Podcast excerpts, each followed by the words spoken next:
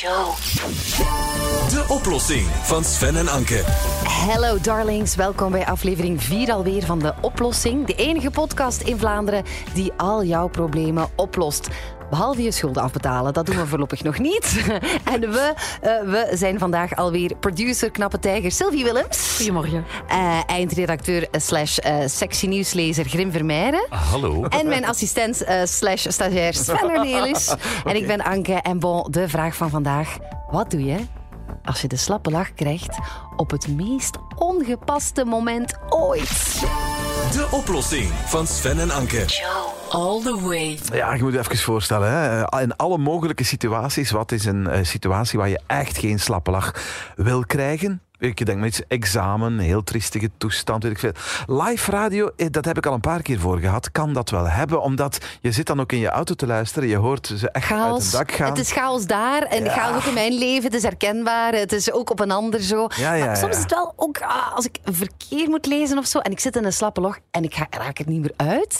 Dan vind ik dat wel super ambetant, omdat ik dan echt dat zo onprofessioneel vind. En dan nog lukt het niet. Maar dan valt het nog wel mee. Bijvoorbeeld dat het is bij een heel dramatisch bericht dat je brengt. Heb jij het als nieuwslezer nooit voor gehad? ja, en jij hebt me dat geflikt. Ik heb je dat Ja, op de geflikt. dag van de dromedaris, het, tijdens het nieuws lezen, gooide Sven er een dromedaris tussen. Ja, oké. Dat is al even geleden. En ik ben toen ook in de slappe lach gegaan. Het fragment staat op YouTube. Ja, ja. Ehm, Maar was er net op. eh, heel ellendig nieuws in de wereld? Nee, het was geen ellende. De dagelijkse ellende. dat is wel een grappig moment. Ja, wel, maar dat is gewoon... Waar wil je het niet voor hebben op een begrafenis? Klopt, ja. Hè? Ik heb het gehad tijdens Oh. de begrafenis van mijn broer. Nee. De slappe lach. Het ergste ooit. Allee, nog erger, het was tijdens het condoleren. Oh nee. Dus de kist naast ons, Ja. gesloten. Wij staan daar op een rijke, mijn mama, papa en ik. Mensen komen condoleren en ik krijg daar ineens een slappe lach. En hoe kwam dat? En echt dat mijn mama mij moest aantikken van zeg, hé, zal het gaan? Emotie waarschijnlijk. Gewoon, ik dacht van, mijn broer zou zo iemand geweest zijn, moest hij een helikopterke zijn en zweven boven het gebeuren, zou hij denken van, wat is het allemaal? En sommige mensen ken ik zelfs niet. En Ja. gewoon, mijn broer zou daar zo heel, ja, die zou altijd zo een, een mopje maken om de sfeer beter te maken. Mijn broer was er niet, want hij was overleden. En ik begon te lachen. Ja, ik kan het niet verklaren. Het, zijn, het is een emotie, die slappe lach, dat je denkt van, ja, op dit moment moet ik huilen. En het is alsof er kortsluiting ontstaat in je brein en je iets totaal anders begint te doen. Ja, is dat herkenbaar? nadenkt. Ja. Heb- Hebben we dat ook al gehad? Op zo'n Niet op een begrafenis, maar ehm, ik denk dat je dan zo hard aan het denken bent van ik mag het niet doen, dat het toch gebeurt. Ja? Maar ik kan me wel voorstellen, een slappe, ja, een sla- ja, ergens wel. Dat je zo op een, op een begrafenis, dat sommige van die pastoors of die voorgangers, dat als je dat begint naar te luisteren, dat je denkt, maar f- wat staat jij nu eigenlijk allemaal te zeggen? Ja. En wat een flauwekul, dan begint dat in je hoofd tuk, tuk, tuk, tuk, tuk te doen. Ja. En voordat je het weet, denk je, ik mag hier zeker niet lachen met deze fl- met wat die Mhm. En dat aan wat je niet slaat. En wat je niet moogt, dan triggert dat en dan gebeurt dat wel. Ik heb het Ja. gelukkig nog niet in zo, maar dit is wel de ergste situatie. Ja, dat is, sorry, ja, nu kunnen jullie geen verhalen Nee, meer nee, vertellen nee, die al daar nog doodgeklopt. over gaan. Nee. Sorry, maar, maar het is gewoon hetgeen dat ik me altijd ben blijven herinneren. Schuldig? Nee, omdat ik mijn broer ken. Mijn broer was ook bijvoorbeeld iemand die eh, toen onze opa overleed, zat, zat hij naast mij in, in de kerk en het was zo stil en, en het was heel emotioneel. En op dat moment vraagt mijn broer aan mij, zeg, eh, is het zo stil? Is er hier iemand gestorven of zo? Ja, ja, ja, dat- Als dat mopje. soort Dus dat was ook mijn broer. Zo snapte, dat was zo'n manier van ons om met de dingen om te gaan. Ja. Eh, ik heb ook wel eens voor gehad in de kerk dat de pastoor de verkeerde speech begon voor te lezen. En halverwege zei, oh nee, dat is voor niet voor die persoon. En dan Oh, nee, moest nee, ja, nee, ja, dan lag wel heel de kerk een beetje strijken op dat moment. Terwijl eigenlijk zou er dan een schokgolf doorheen de kerk moeten gaan. En toch waren de mensen Of aan het lachen. zo. Ja, ja, ja. Dus dat is toch, ja, dat, dat moet toch zijn dat die emoties van huilen en lachen toch heel dicht bij elkaar liggen. Maar bij jou wordt het getriggerd door eh, de- eh, slapstick bijna, hè? Ja, ik, ehm, ik heb eens gehad dat we met vriendinnen aan het wandelen waren en het was over een brugje en het was wat glad. En als er iemand valt, heb ik het vaak dat gebeurt. Ja, maar- Dat ik een slappe lach krijg. Dan lijkt het alsof je geen empathie hebt. Maar, Maar ik, ik snap heb heel veel empathie, maar Ja, het komt ja. gewoon. Wel, je ziet zoiets zeer ergs gebeuren en door de schrik die je dan zo van, oh nee. En Dat is echt, oh, maar dat is super erg. En dat je dan zo op YouTube ook zo 10.000 keer naar hetzelfde valfilmpje van iemand anders weet, kan gaan iemand doet zich ongelooflijk veel En pijn op dat moment. En raakt zeer zwaar gewond. Lacht je daar kapot Bij mij mee? is dat net andersom. Ik, ben, Ja? ik word heel emotioneel op een begrafenis. Ook als ik de persoon niet of amper gekend heb. Ik ben naar de, de, de begrafenis van jouw grootmoeder geweest. Aha. Ik heb daar zitten huilen alsof dat mijn grootmoeder was. ongelooflijk Ja? eigenlijk. Ja, omdat je daaraan denkt. En hè. ik kan dat amper wel- stoppen. Ik kan dat zo moeilijk stoppen. Ik kan dat... Allee, dan gaan de sluizen open. Maar wanneer heb je dan wel de slappe lach? Wat, wat, wat dat je denkt van... Ja, want- zo stomme toestanden eigenlijk, hè, dat je ja, niet maar, verwacht. maar laat, ons, laat ons duidelijk zijn, de slappe lach, ik vind dat het beste gevoel van de wereld. Hè? Dat is het allerfijnste. Er is niks zo fijn als de slappe lach hebben. Sorry, maar als ik de slappe lach heb, dan voel ik buik- mij op mijn gelukkigst. Achteraf buikpijn aan Ja, maar over. dat is goed, want dan zijn die buikspieren nog wat getraind ook. Dus Ja, dan ik, komt energie ik vind, vrij, hè? Ja, Echt, ja. ik zeg altijd zo, als ik, als ik iemand iets toewens, dan zeg ik altijd, ik wens jou elke dag de slappe lach, omdat Ja? dat een oprechte lach is. En oh, dat, dat stopt dan niet. En dat is fijn. Maar wat als het moet stoppen? Ja, dat is het. Hè. Dat is de vraag waar het om draait. Ja. Want wat doen jullie dan om het te laten stoppen? Je zou denken aan iets totaal anders denken. Hè, dat dat de oplossing is. Hè. Ja. Want eh, op het moment dat je daarin blijft, in dat verhaal...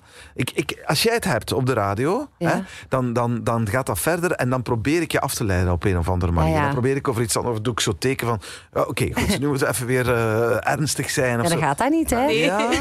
Dan gaat het niet. Som, soms, ik, ik heb wel het gevoel, je moet met iets anders beginnen. Aan Ja. iets anders denken. Je mag daar niet gaan inliggen in die lach. Ja, maar Dan hoe meer dat je dan denkt, ik moet aan iets anders denken. Ja, maar hoe we, moeten, we moeten echt weten wat we moeten doen. Want het kan ook zijn dat je in een gesprek met je baas zit en dat je baas iets heel dwaas zegt. Dat je denkt, ik kan dat niet maken. Hè. We moeten weten hoe we dat moeten afbreken. Nu, we hebben heel veel vragen. Zullen we eens beginnen met de vraag te stellen... waar komt dat eigenlijk vandaan, het fenomeen slappe lach?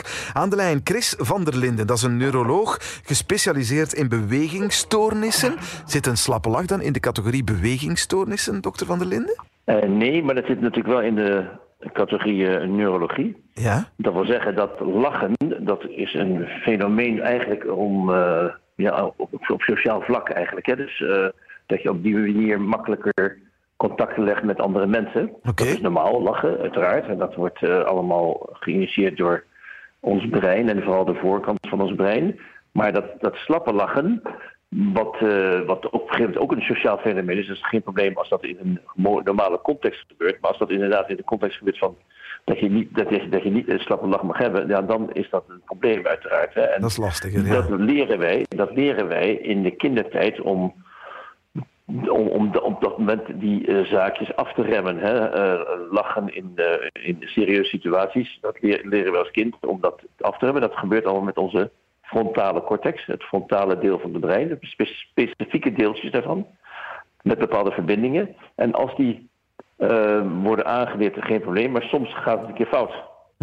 En dan is die, is die rem is net, even, net even wat minder. Bijvoorbeeld, stel nu dat je eh, een beetje wat alcohol gedronken hebt, dan word je wat meer ontremd. Kan het gebeuren dat je op dat moment die rem niet meer goed onder controle hebt.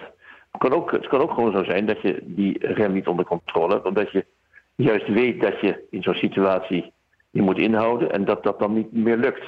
En dat je dan een slappe lach krijgt, meestal een serieuze situatie. En dat is allemaal door het feit dat die frontale cortex die rem eventjes, eh, eh, ja, die rem even remt. Ja. Als je, als de, als de rem remt, dan eh, krijg je dus een expressie van slappe lach. Ja, het is besmettelijk ook dan. Hè? Want eh, als Anke er eentje heeft op de radio, dan is het heel moeilijk voor mij aan de Ja. andere kant om niet mee te doen. Maar ook, dat horen we dan en dat merken we in de reacties, voor die honderdduizenden luisteraars die dan ook aan de andere kant zitten. Het kan zijn dat op dat moment er een eh, slappe lach in de helft van Vlaanderen ontstaat. Eh, nou, dan moet, je moet meestal ook eh, de, de persoon erbij zien. Oké. Oh ja, Ja, is dat dus je zo? moet- ja, je, ja, je moet visueel het gezicht Het is met plaatje. Ja, ja dan, dan krijg je dus echt meer een, eh, een eh, ja, besmettingsfenomeen. Ja, ja oké. Ik wil wel even tegenspreken, want ik heb het al gehad hoor. Dat ik in de, in de auto zit en ik luister naar een slappe lach van andere mensen en dat ik denk, vertom, ik, ik ga er Ja, ook aan. Ik, Ik, ken het ik wel. snap het wel Nee, een beetje hoor, want je moet het zien, je moet het zien want, want anders inderdaad, heel vaak komt er ook niks meer van geluid aan te pas als je in een slappe lach zit. Hè? Dan, dan is echt, Ja. dan zit je bijna zo te stikken in, je, in jezelf. Ik heb zo'n fenomeen meegemaakt en vandaar ook dat er toch een relatie is met bewegingsstoornissen. Ik, eh, ik heb patiënten gehad die dan eh, is, eh, geopereerd moesten worden en die worden elektrodes geplaatst in de hersenen. En bij een bepaalde patiënt, en dat is ook beschreven in de literatuur, werd door die stimulatie werd die rem afgenomen van de slappe lach. Dus die komen bij mij dan op consultatie. Ik veranderde daar de, para, de stimulatieparameters van bij die stimulatie voor die patiënt wat motorisch beter te krijgen. Maar op dat moment kreeg hij juist, omdat hij net die verandering had aangebracht, de slappe lach. Ehm, ik kreeg toen ook lach. Dus we hebben dus vijf minuten lang, zonder dat we elkaar spraken, met echt krommende, eh, krommende lichamen hebben ge- gelachen, zonder dat we dat konden tegenhouden. En toen heb ik gelukkig nog net op tijd die eh, stimulatieparameters kunnen veranderen, waardoor die ver- verdween. En dat is zelfs gepubliceerd in de, in de, in de, land, in de, in de, in de New England Journal of Medicine, in een Wow. wetenschappelijk blad. Dus, het is dus het is zeker bekend. En dan, je kan het dus, dus zelfs met, met, met stimulatie in het brein kan je, het, eh, kan je de ontremming doen plaatsvinden. weet de knopjes zitten eigenlijk ervoor. Ja, maar wat Ja, ja, moeten we, voilà, ja, ja. Maar wat moeten we dan doen? Hè? Het overkomt ons en het is echt, want dat is waar we de oplossingen voor moeten vinden. Het is echt een supergenante situatie. Van hier kan het echt niet. Wat kunnen we Nee, dan doen? nou, wat je moet doen, heel simpel.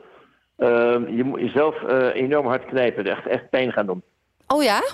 Oké. Ja. Dus, dus Dus, echt gewoon eh, pitsen in je vel en, eigenlijk. en waarom dan? En waarom? Nou, dan krijg je een ander, eh, je krijgt een ander signaal, dat pijnsignaal. Dus gaan allemaal, allemaal signaaltjes van, van datgene wat je, waar je pijn doet. Laat zeggen, dat je in je vel knijpt van je kuitspier, of van, van, van de ku- kuithuid. Eh, die signaaltjes gaan naar het brein en die gaan dan op een gegeven moment die, die ontremming die je hebt van het lachen, die gaat, het gaat onderbreken omdat je die pijnstimulatie krijgt.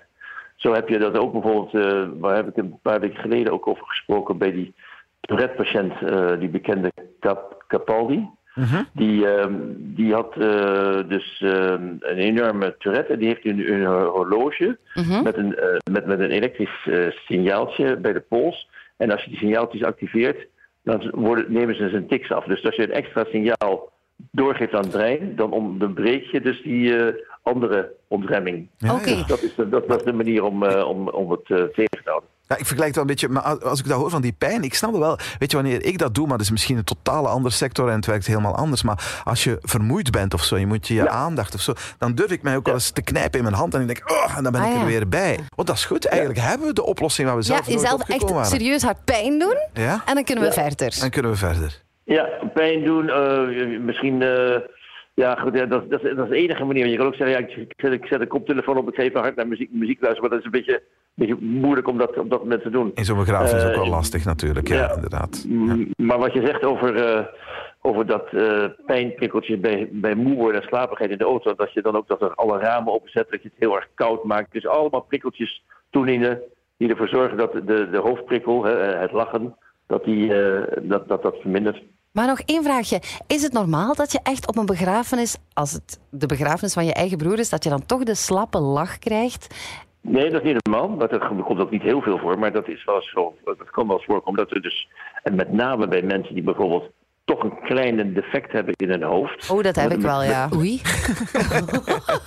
Ja, maar op die manier wordt wel veel duidelijk voor het team. Hè? nog. Ja. Oh, zeg. ja, maar ja, eh, dan kunnen we nu wel subsidies aanvragen, officieel. Hè, Ja, wij het- kunnen subsidies aanvragen. Dan om met mij te werken. En met zakgeld lopen ook, nee. Eh, professor Van der Linden, dank u wel. Nu wordt veel duidelijk. Eh, een pijnprikkel kan dus de slappe lach eh, ja, weg, wegkrijgen. Ja, Dat is het. al wel. Eh, doe je je ding mee. Haal er je voordeel uit. Dank je wel. Graag gedaan. Tot volgende week, hè. De oplossing van Sven en Anke. All the way.